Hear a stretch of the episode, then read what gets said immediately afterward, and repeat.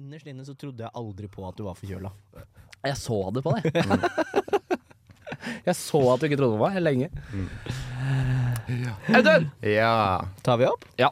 Du er her. ja jeg, er er, jeg er Audun Roseth, Ja. og jeg har jo styrt med denne cancel culture-debatten. Ja, Var det kult? Så, ja, det var veldig kult. Jeg var ord, ordstyrer her, Mm. og det var gøy. Det var litt stressende òg. Det var første gang sånn foran så mange folk, men det var veldig, veldig spennende. Ja, for du har styrt mye ord på privaten før, men ikke med Veldig mye ord på privaten, sånn på fester og sånn. Det er Ja. generelt ordstyrer her. Du sitter i sofaen og peker på hvem som skal styrer, snakke. ja, ja, nei, Det er kult. nei, men det, det var en veldig gøy opplevelse. Så jeg merka at det roa meg veldig, og at det var veldig sånn behagelig når man først kom i gang. Da. Så ja, det var Mm. nice. Mm. Sa du noe dumt som du tror du blir kansellert for? Jeg tror ikke det. Jeg holdt egentlig ganske kort jeg, på scenen. Jeg lot de andre prate. Så Ja. jeg tenkte Josef kunne ta den her kanselleringsstøyten istedenfor. Ja, det det. ja. mm. Uh, apropos Josef, og vi får jo senere besøk av Varin og Lisa. Mm. Hvordan eh, satte dere sammen panelet? Hva tenkte du på når du skulle sette sammen panelet? Jeg var veldig opptatt av at det skulle være ulike perspektiver fra samfunnet. på en måte For det er jo cancel culture er jo noe som treffer alle, på en måte. Mm. Eh, på litt ulike måter, avhengig av hvilken samfunnsgruppe du er med i. Så det er sånn, Josef er jo komiker, på en måte. Det er jo veldig tydelig at det treffer de, da. Men så også akademia, da, eksempel med Tor Grande og ja. Så jeg var jo veldig opptatt av liksom litt diversitet da, i panelet. Mm. At man skulle få høre alle sider av det. Så det, det var egentlig tanken med det. Mm. Åssen eh, forberedte du deg til eh, debatten? Det er jo ikke en debatt, hva var det? En panelsamtale? Eh, ja, det var egentlig en debatt, på en måte, men det ble Ja. litt sånn diskusjon. Det var ikke så hard debatt. Men eh, nei, det har jo vært et år egentlig med, typ, med planlegging, med brainstorming først, og ja, innhenting av innledere og ja, også selve, selve debatten, så var det liksom sett opp sånn eh, kjøringsdokument med spørsmål og ja, ha alt Mm. klart, liksom. Jeg liker å ha litt sånn struktur og at alt liksom er eh, good to go, så jeg Mm. slipper å winge altfor mye. Det Ja, blir jo ja, litt det uansett, på en måte, men ja. Så det, nei. Det er som, det er som jazz. Du har liksom en plan Ja. over, overall, Men så så Kan du freestyle Rom litt? for improvisasjon. Var det katarsis og, og um, å faktisk ha en panelsamtale? Var det deilig å ha en panelsamtale som eh, du har planlagt et år, og så stå der og faktisk gjennomføre den? Det var veldig deilig. Jeg har jo på en måte, ja, som sagt grua meg ganske lenge, men så var det veldig deilig å bare stå der og liksom Mm. faktisk komme i gang. For det er liksom, det er ledet så mye opp til dette øyeblikket, på en måte. Så det Og så så ha suksess, da. Når Ja, det endelig på en måte kommer. Ja, absolutt. Jeg følte at det gikk egentlig ganske bra òg, så jeg er veldig, veldig sånn fornøyd med hele greia. Veldig sånn deilig avslutning på et år med arbeid, på en måte. At, man, eh, at det gikk bra og ja. Så det var digg. Jeg gleder meg til å, å, å høre. Eh, det kommer straks, men aller først så hadde vi jo en til liten innledning med Lisa og Varin, som også var med. Mm. Så inviterer vi de inn i studio, og så blir det debatt. Mitt navn er Jorid Kristinsen, jeg er generalsekretær for eh, Ungdom. Eh, jeg mener at vi skal ha revolusjon, og eh, du hører på Storsalspodden. Tenker du umiddelbart at den revolusjonen burde være væpnet? Eh, det vil jeg ikke ta stilling til. jeg hører ikke deg. Dra opp mikrofonen, da. Jeg hører meg selv. Der, ja. Nå hører du deg selv på en helt annen Å måte. ja, sånn ja. ja. Men jeg hørte meg selv litt sånn. Ja, det gjør vi, det gjør vi alle hele tiden. på en du uh, snakker høyt. Ja, så jeg tror egentlig bare at jeg hører meg selv konstant. Det er et godt poeng. Men hva var det vi snakket om i introen her, Andreas? Koran, koranbrenning? Koranbrenning, ja. Har det blitt et buzzword i denne podkasten? Eh, Uff meg. Vi, vi, vi kommer inn på hvorfor vi pratet om akkurat det. Har dere blitt en sånn podkast? Ja. Mm. Alle podkaster radikaliseres på et eller annet tidspunkt. Det er så kaldt her i studentradiostudiene. Eh, nei da. Uh, Storsalspodden er tilbake. Eh, velkommen skal du være, kjære lytter, til enda en Isfit eh, Special. special. Eh, vi dekker jo disse panelsamtalene som skjer, eller plenary sessions. Har du fått Yes. med at det er det de kalles? Ja, jeg trodde det var Planetary Sessions. Ja, jeg- jeg skjønte ingenting av det navnet. Eh, eh, som foregår eh, nesten hver dag under hele Isfit. De blir lagt ut her på poden også, så det er det bare å, å følge med på. Eh, dagens tema, Jonas, hva er det for noe? Cancel culture. Cancel culture. Kanselleringskultur på fornorsket. Mm. Og vi har eh, fått med oss eh, to av deltakerne fra gårsdagens eh, samtale. Vi, Lisa Eisoel Knutsen og Varin Hiva, hallo. Hei, hei. Hello. Åssen føles det å være på studentradioen? Nei, nå som jeg hører meg selv, jeg hørte meg selv ikke i stad. Da Ja. føles det godt. Nå føles det Ja, godt. nå føles det Ja, riktig. Men det er god følelse å få stemmen sin inn i øret, er det ikke det? Jo, men nå skjønner jeg hvorfor folk ber meg holde litt mer kjeft. Hvem er, det som, hvem er det som sier det til deg, Varin? Jeg tenker ikke at det er um, Hvem er det som ber deg mest om å holde kjeft? det må nok nok være mora mi, altså. Ja, okay. Men eh, Typisk jeg holder jo kjeft når hun ber meg holde kjeft, så Jeg også. Kan dere ikke introdusere dere kjapt da, Lisa? Eh, Ja. Hvem er du? Eh, mitt navn er Lisa Sol Knutsen. Eh, først og fremst bergenser. Mm. Eh, så menneske. Eh, jeg har eh, Altså til vanlig da, så er jeg nestleder i en tankesmie som heter Minotenk. Um, men så har jeg også eh, skrevet en bok, Jeg kom ut med en bok i fjor, eh, som heter 'Det er personlig om rasisme og ytringsfrihet'. Eh, og i den boken da, så, så skriver jeg eh, en del om eh, da, disse debattene rundt rasisme, rundt ytringsfrihet og da kanselleringskultur, da, som jeg mener er et veldig ja, eh, komplisert og litt eh, av flere grunner problematisk begrep, da. Mm, Men det mm. kommer vi sikkert inn på. Det gjør vi nok. Varin? Ja, jeg heter eh, Varin Hiva, og jeg jobber jo i Amnesty som kommunikasjonsrådgiver. Og har egentlig vært aktiv i ungdomspolitikken siden jeg var 15. Eh, og fortsatt liksom engasjert meg veldig i rasismespørsmålet Mm. og netthets og de tingene som, som jeg også har opplevd mye av selv.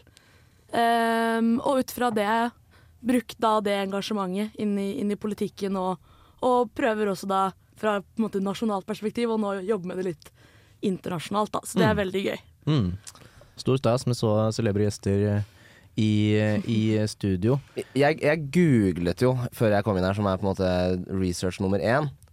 Eh, og Varin, du sier at du vil Altså, eller det buzzwordet jeg fikk opp på deg, da var på en måte strukturell rasisme. Ja. Og da ble jeg litt sånn Strukturell rasisme? Kanskje jeg er for dum? Men kan du forklare hva strukturell rasisme er? Strukturell rasisme er egentlig bare si, strukturer i samfunnet Mm. som kan virke Som er rasistiske, men som man er ubevisst på er det. da. Som, at det er egentlig ubevisst rasisme og strukturer samfunnet har satt, som folk egentlig kan kan være ubevisste om. da. At det er litt sånn Hvorfor er det liksom konsekvent folk med minoritetsbakgrunn eller disse typer navnene som ikke får intervju? Ja. Eh, hvorfor er det færre av de i styrer? Eh, hvorfor, er det, hvorfor er de en konsekvent minoritet i, i de organene og stedene i samfunnet vårt? da? Litt sånn enkelt, Ja. enkelt forklart. Mm. Uh, vi, vi snakket om, du nevnte det så vidt Lisa, kanselleringskultur, at det er et stort og problematisk begrep. Eh, Før vi går inn i, i panelsamtalen om kanselleringskultur, så er det kanskje greit å høre hva, det, hva legger vi hva, Det er en stor bøtte, hva, hva finner vi i den bøtta? Oi, det, det er jo nettopp det da, som er Ja. så, så komplisert. Eh, fordi at i den bøtten så finner vi alt fra på en måte en, em, en professor som har sagt N-ordet i en forelesningssal, til eh, en eh, mektig filmregissør som har eh, eh, tatt for seg, eh, eller tatt på liksom kvinnelige kvinnelige skuespillere som ikke ville bli tatt på. Vi finner eh, Um, en kunstner som har uh, sagt uh, noe som, som er kontroversielt. Uh, Ja. vi finner en um, altså en TikTok-influenser som, som har blitt på en måte i, i gåse, gåsetegn eh, kansellert for tolvte uh, gangen. Altså, Ja. det, det er så mye vi finner i den bøtten, da. Uh, sånn at for meg så er det liksom vanskelig å, um, å kalle det på en måte en kultur, rett og slett fordi det er så mange forskjellige eh, Ja, for er det, det er jo interessant at vi snakker om en kanselleringskultur. Altså det er ikke snakk om kanselleringen i seg selv, det er at det er en kultur for å kansellere. Yep. Uh, det var noe jeg tenkte på nå for første gang. Men, uh, men hva er kansellering, da? Åssen eh, Altså, Utspeil, hvordan utspeiler en kansellering seg, kanskje? ja. Ja, nei, altså jeg ga jo et eh, lite sånn um, Måtte jeg heve meg ut på en sånn definisjon eh, etter praten i går, egentlig. Eh, på, så prøvde jeg, da, um, å, å definere det som at en som har en plattform, da, altså en, noen som mange hører på, Mm. Eh, og det kan være veldig mangt. Eh, men noen som blir hørt av mange, sier noe, eh, eller gjør noe, og så møter man massiv eh, kritikk, Mm. eller liksom eh, en eller annen konsekvens, da. Mm. Eh, og det er jo et veldig sånn bredt Det er en veldig bred definisjon, men jeg føler at det er liksom kanskje det nærmeste vi Ja. kommer noe sånn Ja, definisjon, kanskje. Så det handler om at, om at folk, altså de, de store massene, sier fra om hva de syns, om det som Altså reagerer, reagerer da, på en måte som man ikke har reagert tidligere? Eller er kanselleringskultur noe nytt? Eh, nei, altså jeg mener jo ikke det. Jeg mener jo at mye, mye av dette eh, handler jo om eh, å ta i bruk eh, for eksempel eh, ja, altså forbrukermakt, boikott, eh, eh, ansvarliggjøring, kritikk, eh, noe man, man ikke liker, eh, eh, eller noe man, man liker, osv. Og så det at eh, vi, vi kaller det for noe nytt fordi at liksom sosiale medier har vært en så demokratiserende Mm. eh, på en måte liksom plattform, da. Sånn at flere har muligheten til å kritisere noen. Altså før så bannet mormor eh, liksom til TV-en.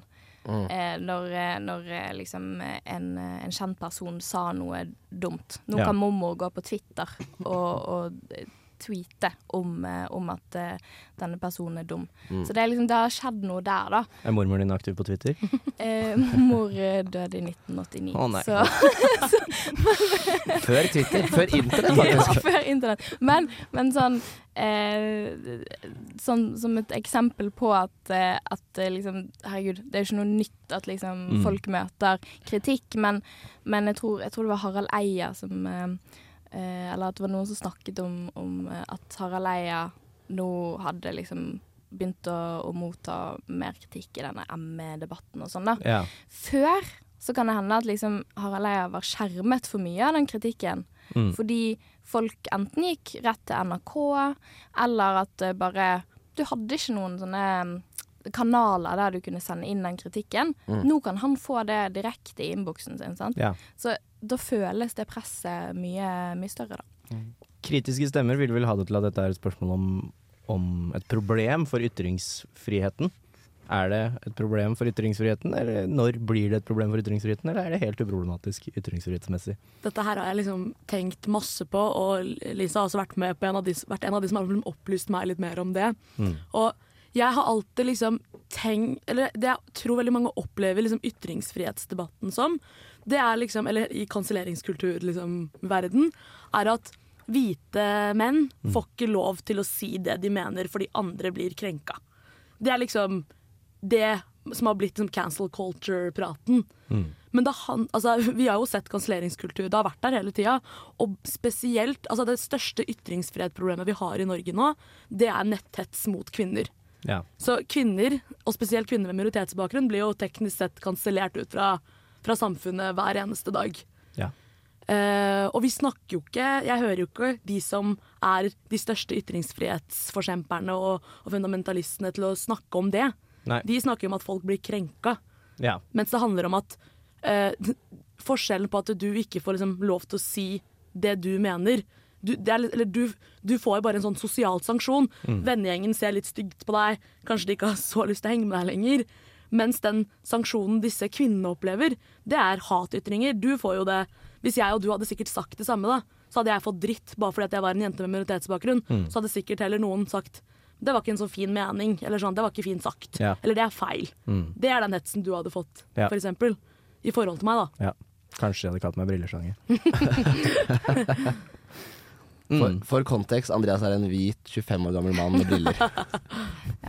Kan jeg, kan jeg bare eh, eh, liksom fortsette litt på det? Ja, ja, ja, Eh, herregud. nei, fordi det, det er jo Altså, ytringsfrihetsdebatten går jo litt sånn på, på to ting, da. Altså, det ene, det ene er jo den juridiske ytringsfriheten, og jeg tror alle eller de aller fleste er jo med på at den juridiske ytringsfriheten i Norge er veldig sterk. Mm. Du kan liksom si eh, veldig mye Mm. uten å bli straffet. Altså nesten til, til, til de grenser. Altså til grenser til hat, ikke sant. Mm. Um, så det er liksom den ene tingen. Men det vi er uenige om, er jo litt den sosiale ytringsfriheten Ja. og selvsensuren som vi alle går og liksom kjenner på. ja. Uh, og der mener jeg at, at vi kanskje har et litt for enkelt syn da, på denne selvsensuren. Fordi vi går jo rundt og, og selvsensurerer oss sjøl hele tiden. Det er jo en del av å være et sosialt menneske. Heldigvis. Heldigvis, ikke sant? Ja. Altså, vi går jo ikke rundt og sier til folk sånn åh, for en stygg jakke du hadde, eller eh, du burde ikke du slanke deg litt. Altså, Mm. det, det er jo sagt med kanskje en god intensjon, Ja. men slår ikke så heldig ut, ikke sant? Ja. Sånn at det vi liksom krangler mye om, er jo det at kanskje folk eh, i større grad eh, føler at de må selvsensurere seg på ting som de før ikke følte at de måtte gjøre. Ja. Eh, jeg tror mye av liksom den konflikten ligger der, da. ja. Ikke sant. Så ytringsfrihetsspørsmålet er kanskje en liten avsporing, for det handler ikke om hva du har lov til å si, og ikke sånn igjen rent juridisk, men mer hva er det vi egentlig Hvilke ytringer er det vi tolererer og vil høre, da? Det brukes som et argument Ja. for egentlig. Det er bare det. Så jeg, handler, så jeg, jeg opplever ikke at det handler om ytringsfrihet, fordi det er Det har vi i Norge. Det er jo ikke et problem. Mm. Eller, men det som er, det, som, altså, det er trusselen mot ytringsfriheten, Ja. blir jo disse, selv, denne selvsensuren og netthets og de Så det er liksom bare ekstra faktorer som spiller inn, da. Mm, mm. Det finnes jo, eller sånn, Vi snakker jo om sanksjoner også. Altså De sosiale sanksjonene kan jo være vel så ille som de juridiske sanksjonene iblant også. Det er jo kanskje verre å miste jobben enn å få en bot på Hva, hva koster det for å kjøre bil og tekste nå? Koster 10 000 kroner? Det var en helt avsporing, men eh, Nei, men det, det er liksom litt det som vi også snakket om i, i debatten, at, at eh, sant, Når vi ikke vil bruke de juridiske eh, sanksjonene, da. Altså, vi vil ikke vi vil ikke på en måte mm, eh, sette noen i fengsel for å snike i kø. Mm. Eh, men vi vil jo heller ikke at folk skal, skal snike i køen, for da blir jo det helt kaos, og det kommer til å bli krig, liksom. Ja. Eh, så vi, vi ser heller litt stygt på dem, og Ja. liksom eh, shamer de litt, da. Ja. Eh, rett og slett. For å liksom slippe å bruke de juridiske sanksjonene.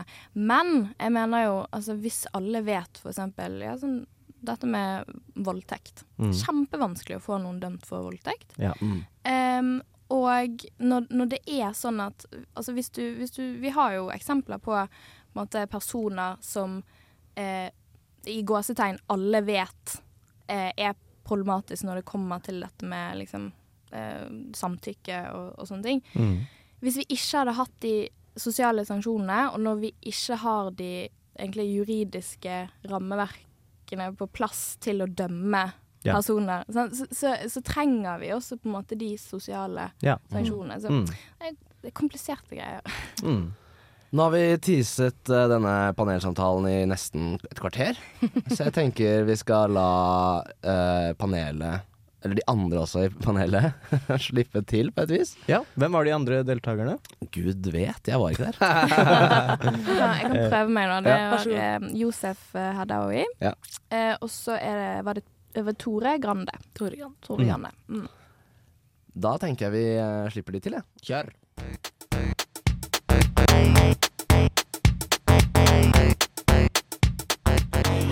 Hei, jeg heter Rawan Ismail, og jeg er ordførerkandidat for Miljøpartiet De Grønne i Oslo. Eh, og Hva så- spiser du? Nå spiser jeg banan. Du hører på Storsalspodden. Jeg gjør det.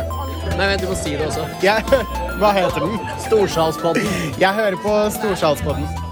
Ja, det er løgn. Kan du også si du hører på Storsalspodden? Du hører på Storsalspodden. Tusen takk.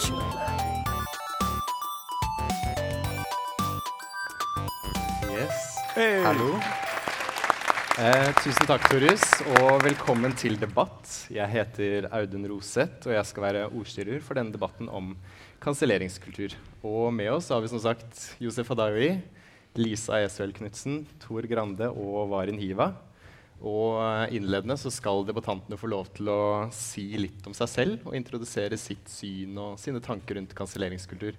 Så da tenker jeg du bare kan kjøre i gang, Josef, og så beveger vi oss eh, bortover. Yes, det funker. Hallo, hallo. Mikrofonen min. Er den på, eller? Skal vi se her nå. Den, er, den er på. Er den på? Men, eh, Jeg hører meg eh, Jeg kan bare snakke jævlig høyt. Halla, går det bra? Er det noen Vogue-folk her, eller? Oi, såpass, ja. Shit, jeg er fucked, med andre ord. Er det noen som ikke er woke her? Oi! Ja um, Nå ble jeg nervøs. Du er Eh, cancelled. jeg er cancelled etter den dagen her, for å si det sånn. Uh, som sagt, mitt navn er Yusuf Adawi. Eh, Jeg er komiker, eller som faren min kaller det, klovn. Så jeg tar meg ikke nær av det. Jeg syns det er morsomt. Eh, som sagt, komiker og satiriker. Alltid prøvd å strekke og tøye grenser.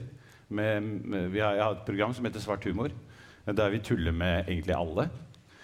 Uh, og jeg merker jo selv at uh, nå i disse dager så er, det, er vi litt redde da, for å Eller vi trår mye mer varsomt. Uh, nå kan jeg bare snakke for meg sjæl, men jeg merker jo viben på NRK og på mine kollegaer.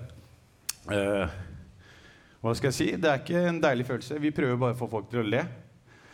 Og det er ikke alltid lett. Uh, og hvis man feiler, så kan man altså bli cancela. Og det kan være et år eller to, og så må du ut i VG og Dagbladet og fortelle om den tunge tiden. Eh, hvis du henger med Sofie Elise, så veit du åssen det går. Da blir, blir det hard drugs. Og da varer cancelinga litt lengre. Så er det noen som er cancel-frie, da. Jeg, jeg veit ikke med Sofie Elise nå, men eh, jeg tenker hvis jeg hadde gjort det hun gjorde, så tror jeg ikke jeg hadde hatt jobb i morgen. Men eh, ja, det er i hvert fall min innledning, så eh, ikke ta det så tungt, det jeg sier. Jeg bare tuller, så, som regel. Så, men jeg skal prøve å være seriøs også, fordi dette er jo noe som går inn på meg og mine kollegaer. Takk. Lisa, vær så god.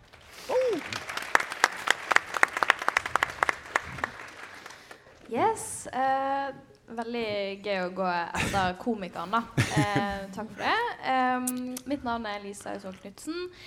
Um, og min inngang i denne debatten er vel egentlig det at uh, for uh, ja, to-tre to, år siden så bestemte jeg meg for å gå inn i et sånt torturprosjekt eh, og liksom skrive en bok om rasismedebatten i Norge eh, og ytringsfrihetsdebatten. Em, og i da dette prosjektet så var også det å skrive om kanselleringskultur, da. Fordi allerede for to-tre år siden så så jeg at eh, debattene i eh, ja, USA, Storbritannia eh, de, de kom til å komme hit også. Eh, sånn at eh, kansellering det var noe jeg måtte skrive om. Eh, og jeg kaller det et torturprosjekt fordi det er noe som liksom, Det er noen begreper som gjør meg ganske sint. da. Eh, rett og slett for jeg føler jo veldig sterkt for at eh, eh, Nei, det er ikke et stort problem i Norge. Eh, og jeg tar gjerne kritikk, kritikk på det, eh, men jeg mener jo at eh, disse her tingene vi, som vi kaller kansellering Og i, i introen her så ble det nevnt Tore Sagen. Jeg visste ikke at Tore Sagen var kansellert. Eh, han holder nå på. Eh, sånn at eh, jeg, jeg syns det sånn det er et vanskelig begrep. Jeg syns det er eh, litt vanskelig å vite hva man egentlig snakker om. Og eh, jeg tror man veldig ofte snakker om ja, faktisk ansvarliggjøring. Eh, faktisk endring av normer. Og det at folk snakker opp og, og sier ifra når ting ikke Ja, når ting er ugreit, da. Tusen takk. Ja, Tor? Først og fremst tusen takk for invitasjonen. Jeg har tilbringt masse tid i denne salen her, men det var i forrige årtusen. Så det begynner å bli en stund siden. Eh, altså Min inngang til, til begrepet 'canceling culture' er jo egentlig fra akademia. Og som mange vet, så er jo ytringsfriheten en viktig del av vårt eh, samfunn. Det står jo til og med beskytta i Grunnloven. Hvis du går inn i, i vår, eller min verden, da, som er akademia, så snakker vi også om akademisk ytringsfrihet. Og det er utsatt for press. Eh, og akademisk frihet for et universitet er på en måte en av grunnpilarene i forhold til det å kunne ha et, eh, et, et universitet som faktisk er kritisk til hva som foregår rundt omkring i samfunnet. Da. Ehm, men akademisk ytringsfrihet er skiller seg fra akademisk frihet med at det også skal være et kvalitetskrav. Altså det betyr at når du ytrer på vegne av ditt akademiske yrke, så settes noen eh, rammevilkår i hva du skal ytre. Det betyr at det skal være eh, kvalitetssikra gjennom et såkalt fagfellekvalitetssikring. Men også ytringsfriheten i akademia er, er trua i gåseøyne. Om det er så trua i Norge, det kan alltids diskuteres, men i hvert fall har det vært en som du nevnte, i USA har det vært en ting. og Det er liksom to typer ting. Det ene er liksom det som vi kaller for konformitetskultur. Det betyr at du et, et ekkokammer, for å bruke et annet ord. Og det andre er det med kanselleringskultur. Og kanskje det klassiske eksempelet er jo at studenter f.eks. boikotter øh, rett og slett undervisning. Eller boikotter en bestemt underviser eller øh, vitenskapelig ansatt. Tror jeg stopper der. Yes.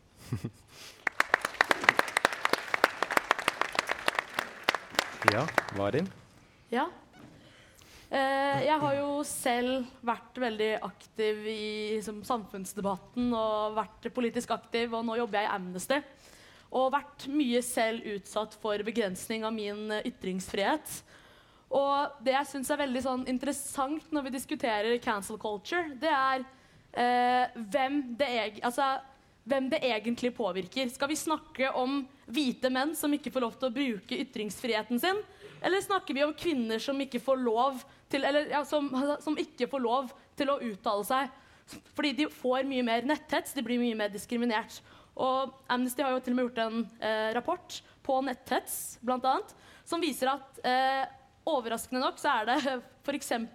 Eh, altså, det er hvite menn fra Frp som får eh, mest hets. Men de får det på bakgrunn av eh, hvem, altså på bakgrunn av meningene sine, mens kvinner ofte får det på bakgrunn av utseende og hvem de er. da. Så jeg er litt sånn, jeg, jeg, jeg gleder meg til å gå inn i, gå inn i temaet sammen med den fine gjengen der. Og faktisk diskutere hva, hva cancel culture det hele tatt er i Norge i forhold til andre land. Fordi det er, jo, altså, det er jo grader av cancel culture, og det er jo ikke noe nytt heller. Vi har hatt cancel culture med Arne Treholt, og vi har hatt det med Erik Solheim. Så det er nok folk som vi mener har blitt kansellert gjennom åra, så det er ikke noe utrolig nytt. Um, men det begynner å bli en het potet igjen, da. Yes. Hey. Tusen takk, alle sammen. Uh, ja. Og dere har jo fått et sett med grønne og røde lapper uh, hver. Og disse vil jeg dere skal bruke uh, for å svare på et par påstander jeg kommer med. Um, ja, Så vi kan se hvor dere står i denne debatten. Da. Um, så ja, da kan vi egentlig ta påstand nummer én. Kanselleringskultur finnes i verden. Hva da, at det finnes i verden? Ja, altså, altså um, Hell yeah! i, I det hele tatt. Ja. For mye, ja. hvis jeg- ja. Ja, jeg, jeg, jeg slenger meg på den våte rød og den slappe grønn. holdt jeg på å si. Det er en grunn til at du har to. Du skal bare velge én. Ja, men jeg vet ikke. Så, oh, ja. Eller det er ikke en vet ikke-lapp her. Den er i hvert fall ikke hvit. Mm.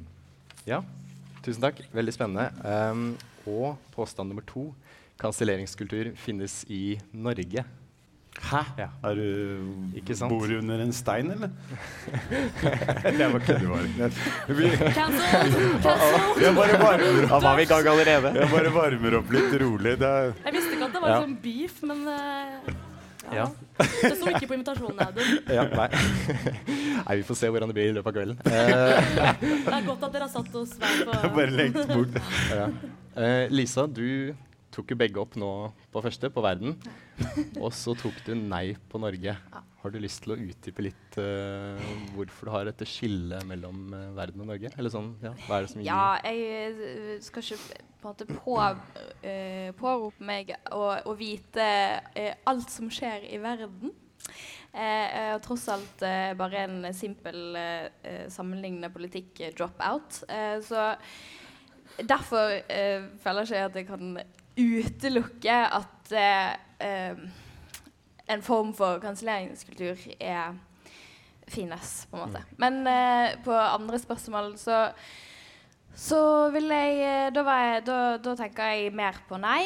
Eh, rett og slett fordi jeg tenker at når vi skal kalle noe en kultur, så må det være Da må vi ha noen litt flere eh, kriterier, da. Altså det må nesten være eh, på en måte eh, en sammenheng. Altså hvis, no, hvis du gjør dette, så skjer så kommer dette til å skje. Og det, jeg føler at kanselleringssakene som vi snakker om i Norge, ofte handler om så utrolig mange helt forskjellige ting. Noen har sagt et ord eh, i et klasserom.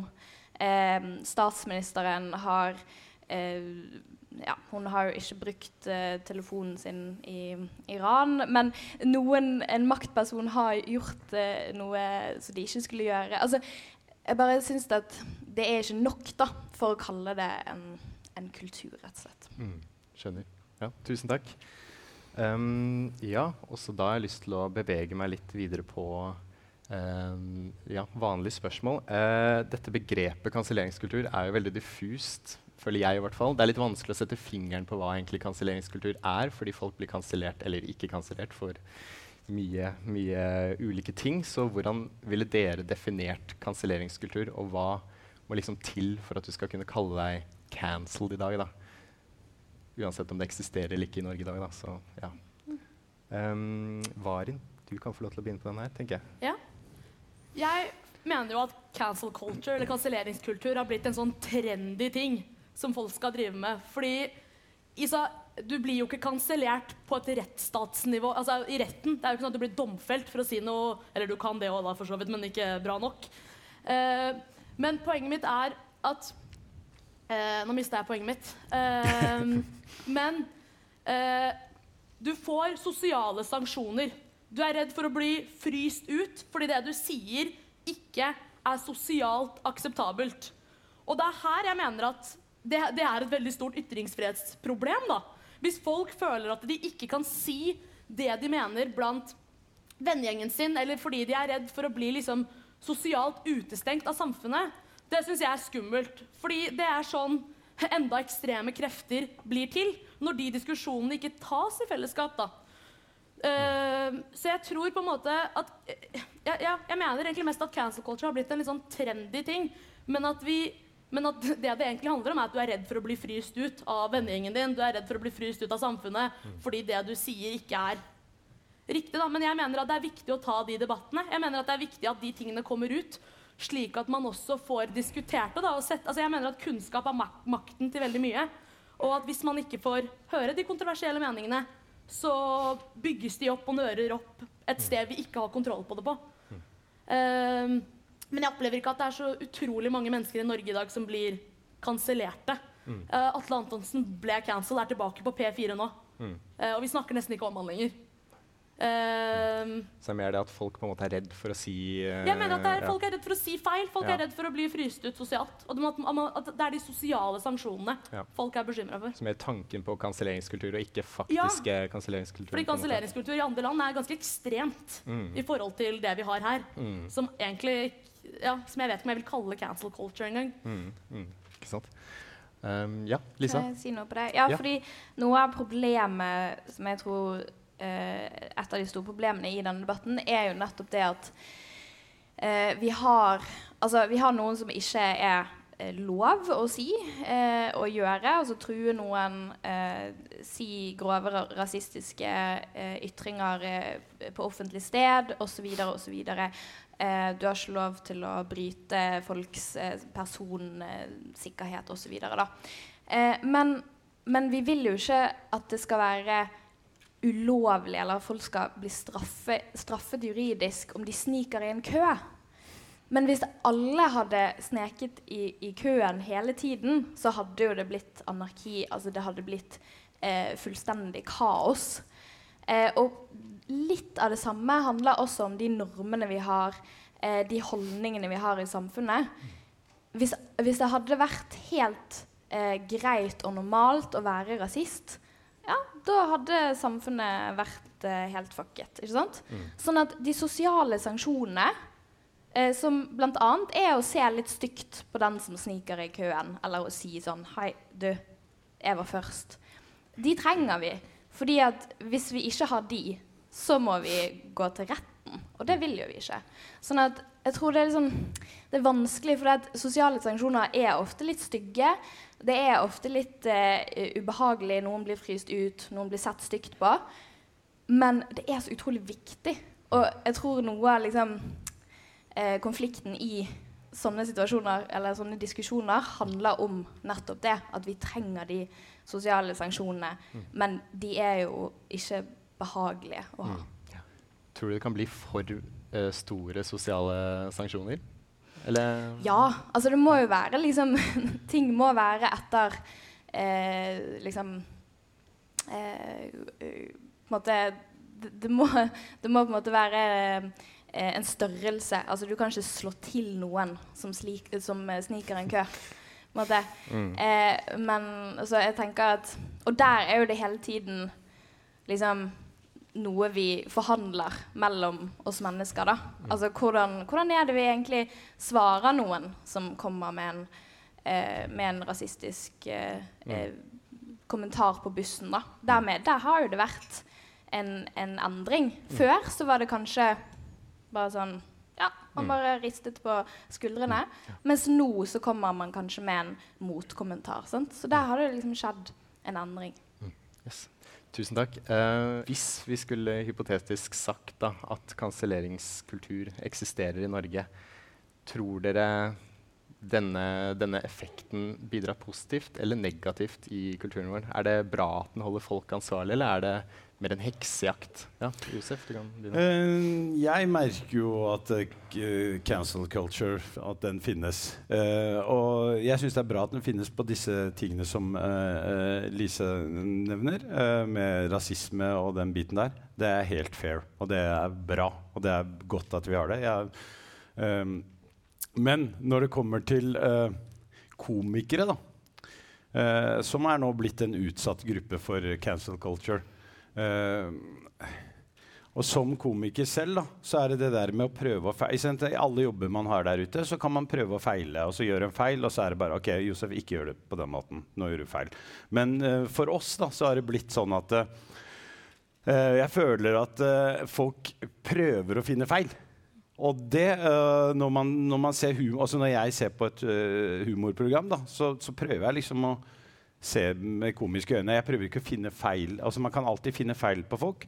Eh, I løpet av en kveld på et nachspiel kan du fortelle ti vitser, og så ler folk av de åtte første vitsene, og så bare er du varm i trøya. Sant? Så drar du en sånn vits som ikke treffer, så er det den vitsen du blir huska for. Eh, så jeg har liksom tenkt sånn hele tida eh, Fokuset er veldig retta mot komikere. Og jeg merker jo også det veldig eh, på mine kollegaer at det, er en helt annen vibe eh, på huset nå. Sånn som når jeg skriver vitser nå, så tar jeg en ekstra runde og hører med folk. Bare OK, du, eh, er dette innafor, eller? Altså, du, det, og da har jeg liksom et panel da, med folk fra forskjellige steder i verden, bare for å liksom helgardere meg. Uh, og det er litt kjipt. Uh, det å måtte liksom uh, Hvis du skal si en vits, at du må på en måte beklager, folkens. Nå kommer det en grovis. Bare til de av dere som ikke tåler det. Altså, altså liksom, du, vi blir på en måte sterilisert. Og jeg er omskjært fra før av, liksom, så når jeg blir sterilisert i tillegg Så da er det liksom Da, da sitter vi igjen da med, med, med, med komikere som ikke tør å ha skråblikk, ikke tør på en måte utfordre og tøye grenser, da. Som på en måte har vært mitt, min greie med humor. Bare se hvor langt kan man tøye strikken. Og så klart man skal ta de som, eh, eh, de som på en måte eh, sier noe feil. Altså, så klart, Men man kan jo rette på det. Man trenger liksom ikke å stenge folk ute. da. Og, og når den viben bare sprer seg mer og mer, så ender det opp med at vi får Maskorama, bare. Det er sånn som på TV nå. Ikke sant? Du har jo ikke noe vondt om Maskorama, men eh, det er liksom eh, Altså, det er, det er jo ikke noe brodd. Og så sist gang altså, Sånn som for meg, da, det som virkelig eh, Som jeg kjente da, da kjente jeg virkelig på det. Hvis dere husker borettslaget eh, med, med Robert Stoltenberg, eh, som farga seg brun. Like brun som meg. Jeg syns det var kjempegøy ja, med at en brun fyr som heter Ali, som selger blomster, ikke drugs engang, at det var så jævlig feil. Eh, og det er det sånn der, uh, For meg, da, som jeg har merka veldig, er de det verste av den cancel, uh, de cancel-folka er de som blir sånn second hand krenka. De som blir krenka overfor andre. Og sånn der, ja, men du, Josef, hvordan, Hvorfor blir du ikke krenka? Fordi han er jo brun. han har jo farga seg brun. Og, så, det, den, og det er som regel Frognerfruer. som eh, Oslo vest, som klager mest der, da. Men eh, det er i hvert fall mitt synspunkt. Jeg, jeg tror at vi kommer bare til å sterilisere alle komikere hvis, vi, hvis vi, går, vi skal gå rundt og være redde for å bli cancela. Mm. Så Ja. Yes, tusen takk. Eh, Tor, du hadde en kommentar? Ja, eller kommentar. Tenker, eh, nå har vi gode innlegg på, på et tema rundt rasisme og, og den eh, Men det, for, for, det, det er også eksempler på ting som kanskje ikke får det samme medieoppmerksomheten. Eh, F.eks. For i forhold til eh, en del eh, Vi står jo midt oppi en klimakrise og en naturkrise.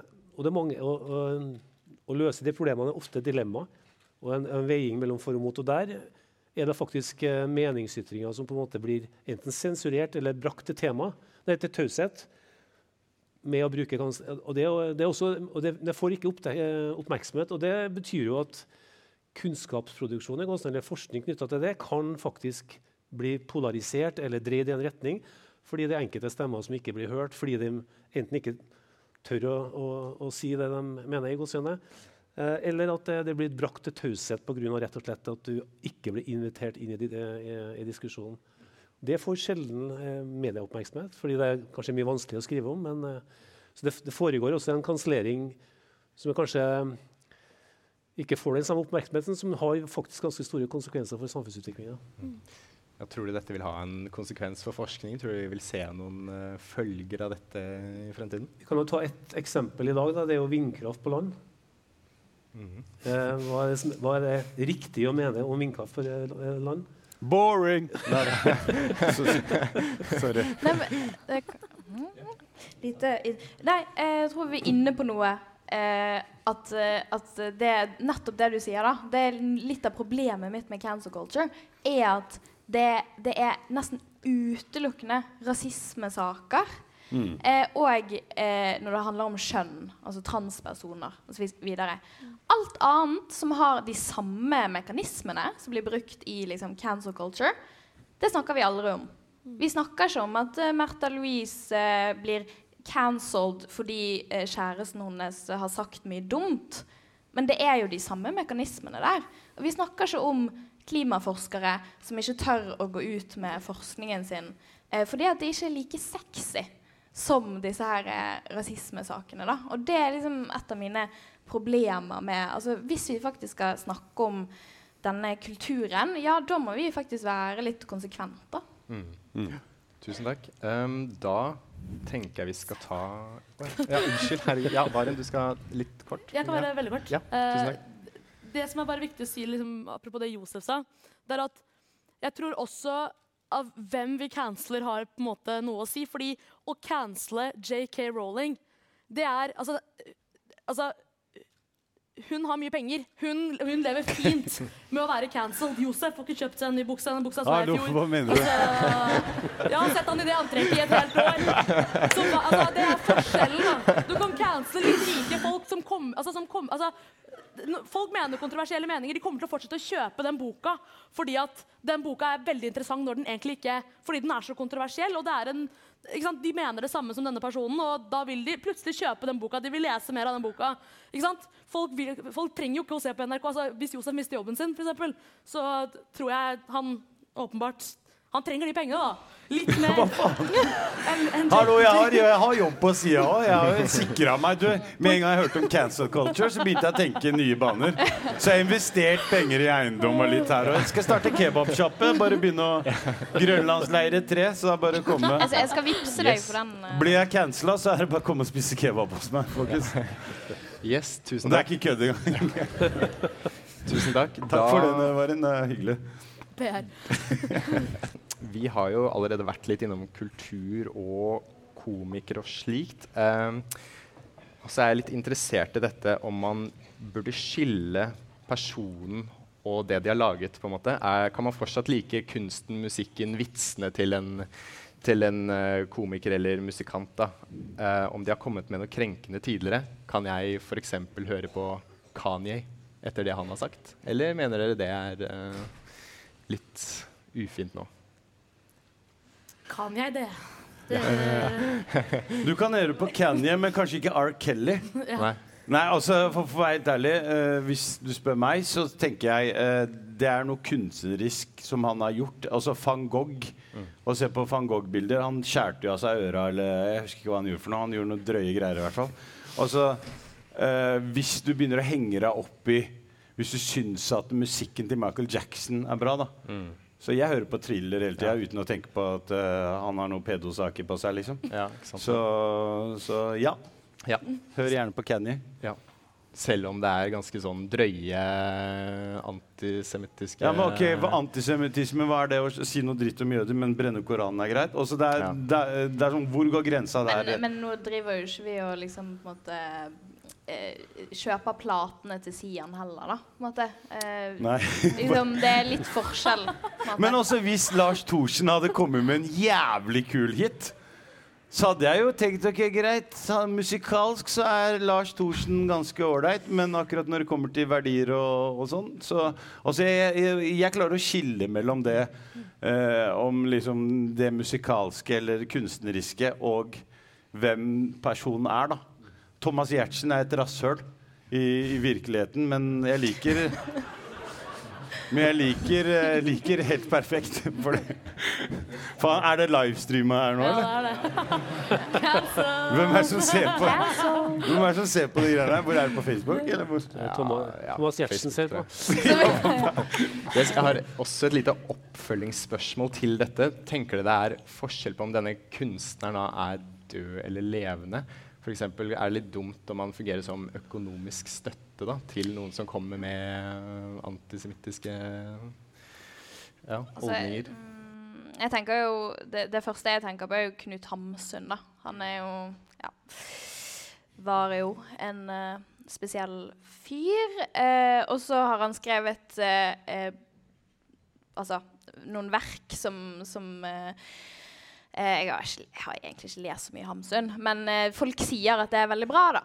Eh, og vi eh, promoterer det, og vi løfter det fram eh, hele tiden og sånn. Eh, men så vet jo vi hva han drev med på fritiden, på en måte.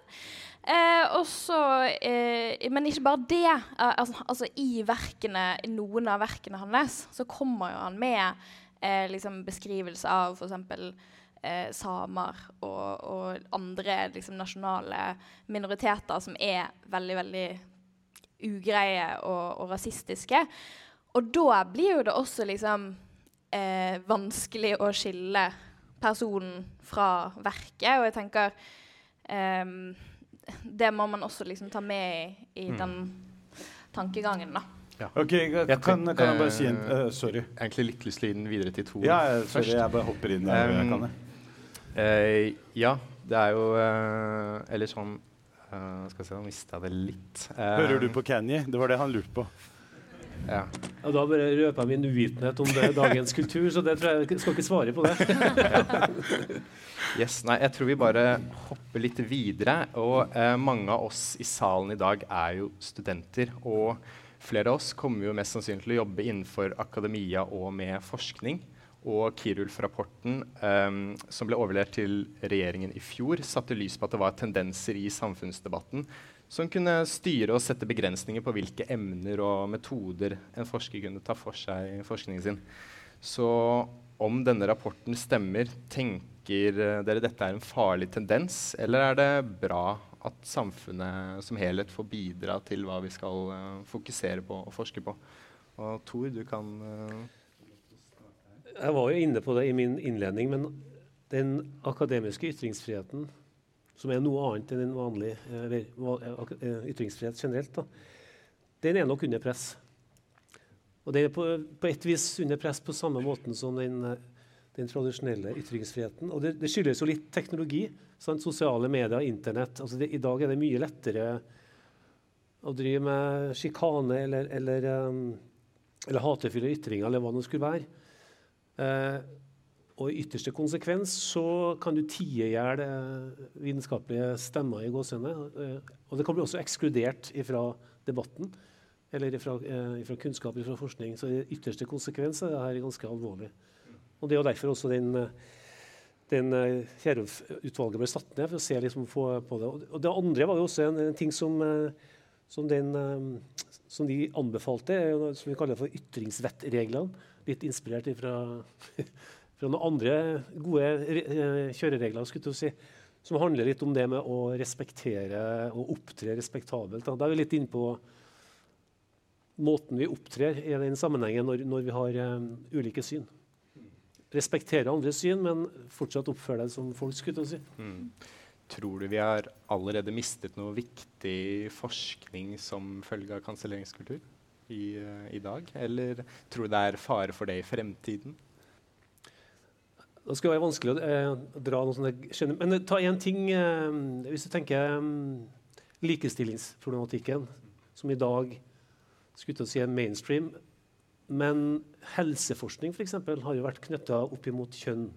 Kjønnsperspektiv har vært Så det er ingen stor hemmelighet at um, typiske kvinnesykdommer har vært mindre forska på enn andre, eh, si andre lidelser pga. Av, eh, av kjønn, da, eller kjønnsperspektiv, eller manglende kjønnsperspektiv i forskning. Det er et tema som har vært i mange år og diskutert i mange år. Det finnes sikkert andre eksempler. Men det er et enk enkelt eksempel. Når det ble designa en bil, ble den designa til kvinnekroppen eller mannskroppen? Det, det har ikke noe med kanselleringskultur, men det har med å ha et eh, mangfold i, i, i inngangen til et problemstilling. Og jeg tror det Tor er inne på, som er veldig Hæ? Yay! Uh, nei, eh, det Tor er inne på som jeg syns er veldig viktig, da, som i hvert fall spesielt vi i Amnesty også er veldig opptatt av, det er å kunne ha faglig grunnlag til å si det man mener. Fordi det gir det også Eller ikke i alt, da, men, men det gir også mye tyngde. Fordi kan, det er litt vanskeligere å møte på eh, argumenter hvis det ofte er eh, Det er like viktig, men det er litt vanskeligere å kontre det når jeg, liksom, jeg føler, jeg synes, versus denne forskningen viser og sier, så er det litt enklere å kontre det. Og kanskje det gjør deg litt altså, Noen mennesker er litt sånn, kanskje litt enklere å snakke med også, når man har det faglige grunnlaget for, å, for det man også sier. tror jeg er veldig viktig. Mm. Tenker du at man burde ha noen sånn klare rammer, en sånn institusjon eller noe som kunne styrt kanselleringskulturen litt? Sånn, uh, Kanselleringsdepartementet? Ja, for eksempel. Ja, eller sånn, da, vi har jo f.eks. PFU, da, som, uh, som tar ned presse eller tar eh, presse til domstolen hvis de kommer med noe eller har dårlig metode og dårlig praksis. Burde man hatt noe lignende for cancel culturen? Josef sa noe veldig interessant i pausen i stad. Og det var litt sånn, han var sånn, det som er så vanskelig, det er at jeg ikke vet om jeg er kansellert. Det er veldig mye enklere for meg å bare gå inn i et rom, brev, kansellert. Da vet jeg liksom det. Og jeg tror liksom Jeg tror de lov, sånn helt ærlig, de lovene vi har i dag, syns jeg ikke er gode nok for å for dømme hatfulle, hatfulle ytringer. Jeg synes Det er vanskelig å liksom skille eh, for det her med liksom, rasismeparagrafen. Når er det rasisme?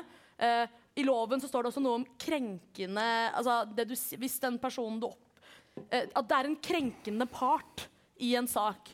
Så jeg syns egentlig at vi ikke trenger noe på en måte, institusjon eller noe råd, så lenge loven er god nok. Litt tydeligere, tydeligere regler ja, egentlig synes, i loven. Ja, Ja. Jeg syns det er liksom et tydeligere lov. Tror jeg vi kommer, liksom, kommer, kommer langt med. da. Mm. Tor? For det første så er jo debatten viktig, men, men eh, Ytringsfrihetskommisjonen, da, som det ble vel det offentliggjort si, i Arendalsuka, så kommer det jo noen klare eh, råd om også eh, som har tilknytning. Ikke bare én, ett lovverk, altså ikke bare straffeloven, men også andre lover. Mm. Så at, og det tror jeg nok er en, på en måte en tilpasning av lovverket i forhold til den verden vi lever i i dag. Eh, ja. Når jeg var ung, så fantes jo ikke sosiale medier. Det, fantes ikke, altså det, var, det å på en måte hatefulle ytringer det kunst, Da må du stå liksom på fortauet og rope. det, var ingen, det var ingen media. Liksom, du kunne, det, sant? Det, var en helt annen virkelighet. Ja, ja. Yes. eh, Lisa først, og så kort Karin. Ja. Altså, eh, At noen regulerer på kansellering og sånn, det, det kommer til å være helt umulig. Og det, det, det er ikke noe som eh, jeg tror er bra i det hele tatt. Det beste er jo at man hele tiden fortsetter å snakke sammen og ha dialoger og være uenige, da. Det er jo liksom mye av det dette handler om. Og, og det å være komiker, det er kjemperisikofullt. Det vet jo du sjøl. Og det å være kunstner, det å, det å mene ting i det hele tatt, det å mene ting i offentligheten, er så risikofylt, da. Eh, og jeg tenker eh, Når vi snakker om kansellering Du kan være kansellert eh, i, i på en måte russegjengen, men så er ikke du kansellert eh, i familiebesøket. Sant? Du kan Jeg er f.eks.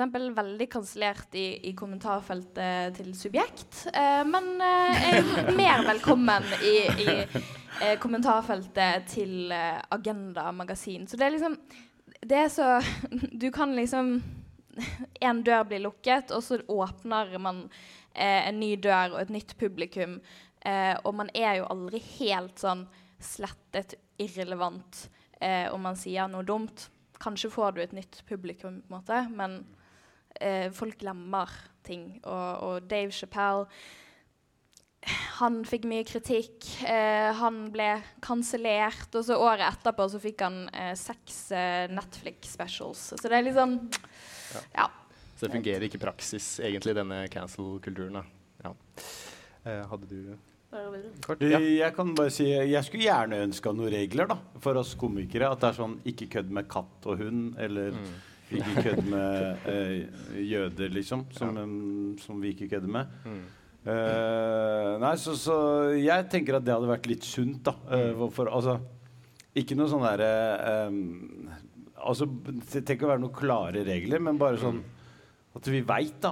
for- Fordi nå veit man jo ikke. Eh, og så ser, ser man noe som er morsomt, og så uh, tenker jeg liksom OK, er dette noe jeg kan kødde med? Og så har jeg blitt sånn uh, Sånn som nå var jeg på et arrangement for ikke så lenge siden der jeg sa bare Hei, mine damer og herrer. ladies and gentlemen. Altså, og det var ikke innafor. Eller det var sånn, da fikk jeg beskjed Du, kan du bare ikke si 'ladies and gentlemen' eller 'mine damer og herrer'. Hvis du kan si 'han, hen, hun'. Så prøvde jeg å si det, men så hørtes det bare så ut Det hørtes ut som jeg dro en vits når jeg sa det. Så, da, så da, nå, har, nå sier jeg bare 'hallo, folkens'. Så vi er fortsatt folk i 2023, så får vi se hva vi er i 2024. Da. Yes. Eh, tusen takk. Um, jeg vil litt tilbake til dette med akademia igjen, for jeg syns dette var spennende. Um, tror dere, eller tror du, Tor, at noen aktivt unngår å forske på enkelte tema i dag fordi de er redd for å bli kansellert? Eller gjør folk hva de vil? Altså Ikke direkte å unngå å forske på et tema, men kan bli hindra av å forske på et tema Mm. pga. Eh, en eller annen ytring eller en, en meningsytring eller en- noe du har publisert. eller Så Det blir utestengt, da, Mm. rett og slett. Og det er en, eh, en form for kanselleringskultur som er litt usynlig. Mm. Det kan være en finans... Eh, så det, ja, det, så det, det, og det finnes også for, eh, mange vitenskapelige ansatte som er veldig redd for å være i det offentlige rom. Nettopp pga. den muligheten for å kunne få en sånn type sanksjon mot, mot seg. Mm. Det, det tror jeg nok mange vil eh, kjenne seg igjen i. Mm. Mm. Yes, Vari? Altså, I Amnesty så jobber vi for eksempel veldig mye med liksom, vi, vi er en organisasjon som skal si fra når menneskerettighetsbrudd blir brutt. Uansett hvilket land. Om det er Palestina, om det er Israel, om det er Ukraina eller om det er Russland. Og Det er basert på dokumentasjon, det er basert på forskning. Og det betyr jo ikke at man tar stilling i disse krigene, men du har brutt loven. Du, altså sånn, det jeg litt redd for. Liksom det vi kan havne i som jeg synes er litt skummel, er liksom feil, altså sånn at folk ikke tør å komme med fakta på grunnlag av å bli kansellert. Den syns jeg er mye mer skummel enn at uh, Josef skal si en semilættis vits, liksom. Eh, Fy faen. Semil. uh, så jeg tror liksom jeg tror, jeg tror det er mye verre jeg, altså jeg tror ytringsfriheten og liksom det faglige, det akademiske jeg, jeg er mye mer redd for at fakta ikke kommer ut på grunnlag av at man blir kansellert. Og det tror jeg er en, opp, altså sånn, det tror jeg er en oppriktig, en helt reell greie. da. Og det opplever vi masse. Uh, men det handler jo ikke om å ta side. Det handler om å det handler om å ja, komme med fakta og komme med, med et grunnlag for det man sier. Mm. Så det handler veldig om hvilken gruppe som på en måte blir påvirket av denne kanselleringskulturen. Mye verre hvis det er innenfor akademia enn f.eks. komikere. Og Spes for, for Kultur. eksempel, et eksempel, da. Uh, for eksempel uh, disse menneskene Og det her, det her er ikke meg som tar stilling til noe. Altså, bare, det her er liksom slik jeg oppfatter det. Det er en gruppe mennesker som er veldig veldig flinke til eh, Eller disse folka som snakker for eksempel veldig mye om Ukraina nå. Vi må ta inn flyktninger, det skal vi. Eh, og det er liksom ofte liksom folk fra høyresiden som er ekstra ekstra opptatt av ukrainske, altså Ukraina. Men jeg har noen ganger aldri hørt dem si en dritt om flyktningene som kommer fra Syria eller andre land. Hvorfor det? Og det syns jeg liksom, jeg, bare, jeg er bare litt sånn redd altså sånn, så, så jeg, liksom, ja, jeg tror jeg bare blir litt sånn redd for, liksom, for hele liksom, faktagrunnlag for ting, og at, og at man faktisk ikke tør å N- Man ser hvem som mener ting, på en måte, når det passer. Tor, du kan ta det litt kort. I forhold til ytringsfrihet og akademisk ytringsfrihet så er det viktig å huske på, som kanskje ikke er så lett å, skille, når, når en eh, vitenskapelig ansatt liksom drar professorkortet. Da skal du helst være på den banehalvdelen du faktisk har eh, kompetanse på. Så, og Det betyr at det er en kvalitetssikring i forhold til en ytring. Så det å, Mye av det vi har snakka om nå, har jo eller så, så langt unna mitt fagområde, så, må, så jeg skal være uhyre forsiktig og uttale om det som professor. Det, så, så det er liksom den balansegangen, og det, det å ha en forståelse av eh, når du uttaler deg som en fagperson. Så du når- hører på Kanye West? eh, Det kan hende. For mye av den spørsmålet her, så vil jeg, hvis jeg skulle uttalt meg, så er det som vanlig menig, menig eh, borger av det landet her, skulle jeg si. Mm, så litt hvilken tittel man bruker i sånne saker. Da. Da har jeg et siste spørsmål til panelet. Og vi har jo vært litt innom det, at vi må på en måte finne en middle ground da, mellom, mellom disse som mener at kansellering er et stort problem, og de som kanskje mener at det ikke eksisterer i dag. Da. Men uh, ja, hvordan skal vi liksom bygge broer mellom disse to sidene? Og er det et for stort sprik, tror dere, til at vi kan finne denne balansen og denne eh, harmonien mellom, uh, mellom gruppene? Det er til alle, så det er bare å tegne seg på. Jeg tenker bare at eh, I hvert fall når det kommer til humor og komedie, og sånn, at det, prøv å være litt åpne. Prøv å tenke liksom, ok, hva, hva er det komikeren har tenkt på her? Og hva, liksom bare ikke, ha, ikke bare prøve å finne feil. Bare prøve noen ganger å bare se ok, har han et morsomt poeng, eller har han ikke det. Og, og så er det sånn Hvis en komiker har feila på en ting, så trenger ikke bety at neste komiker ikke kan gjøre noe sånt nå. Og da, da kan jeg si noe som er veldig betent, fordi jeg havna inn i en blackface-debatt. jeg, har, eh, jeg er opprinnelig fra Afrika selv. Eh, og jeg har vokst opp med nigerianere, og jeg syns jeg spiller nigerianer veldig bra. Men så skulle jeg liksom bare prøve å gjøre meg litt mørkere, og da eh, Og jeg mente aldri noe vondt. Altså, jeg tenkte ikke på det, men det var jo helt utelukka. Og det var, da fikk jeg en beskjed, og det var liksom at jeg ikke var fra sør for Sahara. Og fordi jeg er fra Nord-Sahara. Så, så da eh, så om noen har gjort noe feil tidligere, eller om noe har blitt brukt, et, et virkemiddel har blitt brukt feil, og det har vært rasistisk, så tenker jeg ikke Altså, la komikere få prøve, og så får dere bare henge dem etterpå hvis det gikk skikkelig til helvete. Mm. Offentlig henging er jeg for, da. Men Ja. Um, utafor samfunnet her bare hver fredag. ja. Um, jeg er litt uh, Ja, Varin, hva tenker du? Er det, er det noe middle ground? Er det noe, Hvordan skal vi bygge broer? Altså, jeg uh, er veldig glad for at foreldrene mine kom til Norge. Det er samtidig litt løgn, for de kunne dratt til et litt varmere sted. Men det er det fineste vi har i Norge, det er ytringsfriheten. Og vi må, og vi må verne om den, og vi må bruke den.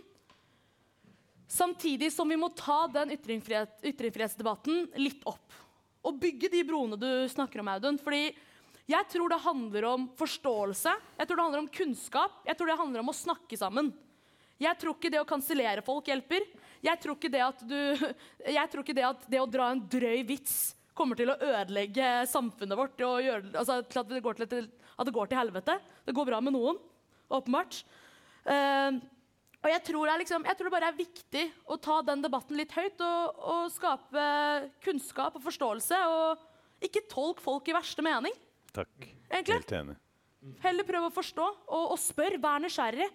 Prøv å forstå hvorfor, vitsene, hvorfor Josef har et behov for å vitse om Greta Thunberg. For det skjønner ikke jeg, men, men noen har jo det. Er det noen som skjønner det, eller?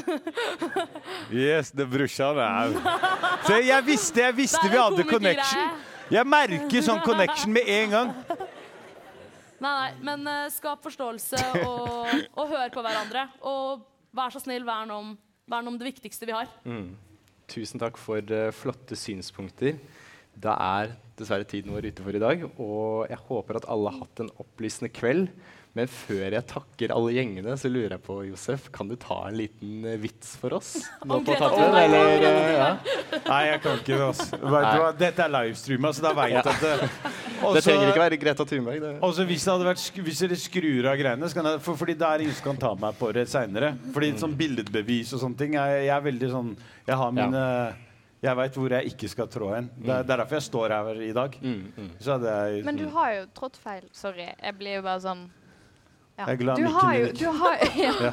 Jo, men sånn poenget mitt er litt sånn herre Sorry at jeg blir sånn litt ødelegger, på slutten, ødelegger alle all moroa her. Men poenget mitt er jo litt at du har jo trådt feil, og du står her i dag. Sånn at ja, jeg- hvor, hvor har jeg jeg trådt feilen? med den, med den joken at du, du gjorde deg mørkere og joket med nigerianere. Du har jo gjort Altså Det, er-? Fordi det er feil i dine øyne, ikke sant? Men for mine kompiser som forstår meg, eller, og den gjengen rundt meg, da. Ja, ja, De men poenget er at uh, du har trådt feil, og så står du her i dag. Du er Tida ikke di er ute, dessverre. Yes, så takk for. Tiden til alle er ute veldig nå, faktisk. Så da, ja. Skal du ikke Eh, fortelle vits? Jeg slår det- av kameraet. Yes, uh, ja, Før vi avslutter, så vil jeg bare si tusen takk til forsterkerkomiteen, videokomiteen, kafé- og serveringsgjengen, markedsføringsgjengen, fotogjengen, alle de frivillige fra Isfit, eh, og alle som kom, alle som stilte spørsmål. Og igjen tusen takk til debattantene som stilte. Og tusen takk til Audun! Takk til Audun også. Tusen takk. Velkommen tilbake fra panelsamtalen. Spennende saker. Lisa og Varin, dere har tryllet dere til studio. Hvordan var det å være på Samfunnet? Jeg syns det var en veldig eh, kunnskapsrik, eh, morsom debatt. Josef var litt med å sette premisset på starten av debatten. Eh, og, jeg skjønner, og det jeg på en måte sitter litt igjen med, det er den, det er den forståelsen for at å jobbe som komiker eh, er, det er tøft, det også, i den tiden vi lever i. da. Der, der man faktisk må være litt mer At man føler at man, at man må være mer forsiktig. da. Og det var litt det dere gikk, og det var liksom også det Tore snakket også om. da. Det her med akademia, som jeg også syns var veldig interessant, er at når det begynner å på en måte, det begynner å gå utover jobbene til folk også, da. Og den debatten syns jeg liksom er viktig, viktig å ta også. Um, så jeg tror jeg liksom også gjorde meg litt, litt, litt klokere på at uh, Eller at det er liksom noe jeg vil dykke, dykke litt dypere i, egentlig. Mm. Mm. Jeg, jeg også syns det det var en veldig morsom eh, debatt. Veldig, veldig fint eh, publikum og fine spørsmål. Um, og så på slutten der så, så tok jo jeg litt eh, Josef eh, på dette med at han er komiker, eh, og han sitter inne med en del ting som, som han ikke Ja, noen vitser, da, som han ikke tør å si. Eh, og der har jeg liksom eh, utfordret han litt da, på det med liksom Ja, men du har jo trukket feil før. Du har jo fått sterk kritikk før. Du har fått eh, liksom eh, tilbakemelding om at dette her er ikke greit, men du står her i dag. Du Ja. er fortsatt komiker. Eh, det er ikke sånn at Jeg, jeg tror det, denne panikken eh, rundt det at liksom sier du en feil ting, så er du ute for alltid. Jeg tror den er verre enn faktisk uh, cancel culture uh, er, da, faktisk. Jeg tror, jeg tror vi må liksom være litt sånn derre eh, åpen på at eh, eh, jo, det, det er faktisk lov å tråkke feil. Folk gjør det hele tiden. Eh, dere eh, har lov til å si eh, feile ting, dumme ting på radio. Eh, men, men liksom ikke være så redd for den kritikken man kanskje får, da. Kanskje være liksom sånn Oi, ja, ja kanskje det var litt sånn Se på, å si. se på kritikken du feilteger, og, og kritikken som en dialog om, om hva er det vi vil Hvilket samfunn vi vil leve i, på en måte. Ja. Treffer det, så treffer det. Og treffer det ikke, så dreit du deg ut, liksom. Ja. Jeg opplever ikke at det er så ut Jeg opplever ikke at det er så utrolig mange, utenom kanskje Arne Treholt, som har blitt cancelled i Norge. Sitte inne i 20 år for, for handlingene sine. Det er litt annerledes, ja. Eh, for å rappe opp det vi introa med også, det har vi helt glemt. Jeg sa koranbrenning som et buzzword på starten Sant her. Og da var vel konklusjonen vår at det er mange ting det ikke er lov å gjøre, og så er det mange ting det er lov å gjøre som du ikke trenger å gjøre, for du må ikke være en drittsekk på død og liv, liksom. Refererer du til en, en prat vi hadde med debattstyrer Truls om eh, Absolutt. Etter eh, en samtale med Dambit Choi i storsalen. Ja, om Ja. ytringsfrihet og Mm. kanselleringskultur, det også, for så vidt. På et vis. Mm. Hot topic om dagen. Da satt jo vi og var stressa da, her i studio. Nå skulle vi sitte her som to hvite menn og synse om ting eh, uinformert. Synse og jazze om store og vanskelige og betente spørsmål. Som, Vi to, som to hvite menn bør. Vi Og sitter jo her um, fortsatt, vi. Vi Det, gjør det. det. som eh, kan jeg, ja, nå, nå går jeg over tiden her, men, men jeg syns jo det Jeg kjenner jo jeg kjenner Danby eh, Mm. ganske godt, og, og um, vi har vært i mange debatter sammen. Og det som jeg syns er litt gøy, da, er at han er kanskje den største forkjemperen for å advare mot cancel culture. Mm. Eh, men så er han et levende bevis på at cancel culture faktisk ikke er et så Mm. stort problem. Fordi hvis det er noen som hadde blitt eh, cancelled for meningene sine, så had, og liksom det man Ja. fronter, skriver om på liksom egen nettavis og sånn, så Mm. er det Dan- Danby. Han har fått utrolig mye kritikk opp igjennom. Og, eh, og det skal han ha, da. Jeg syns Mm. han, han takler kritikk på en god måte. Mm. En liten si- avslutning der om en gammel samtale. Ja. Eh, og så avslutter vi denne samtalen også. Tusen takk for at du har hørt på, du som har hørt på. Tusen takk for at dere var i studio, Lisa og Varin. Takk for at vi fikk komme. Det var Veldig koselig. Tusen takk til Isfit for å ordne at vi fikk litt kule folk i studio, og for å arrangere plenary sessions. Og hvis du likte dette, så ramler det ut masse greier om Isfit. uh, Forferdelig mye greier. as we speak. Ja, ja, ja. Tudelu. Ha det.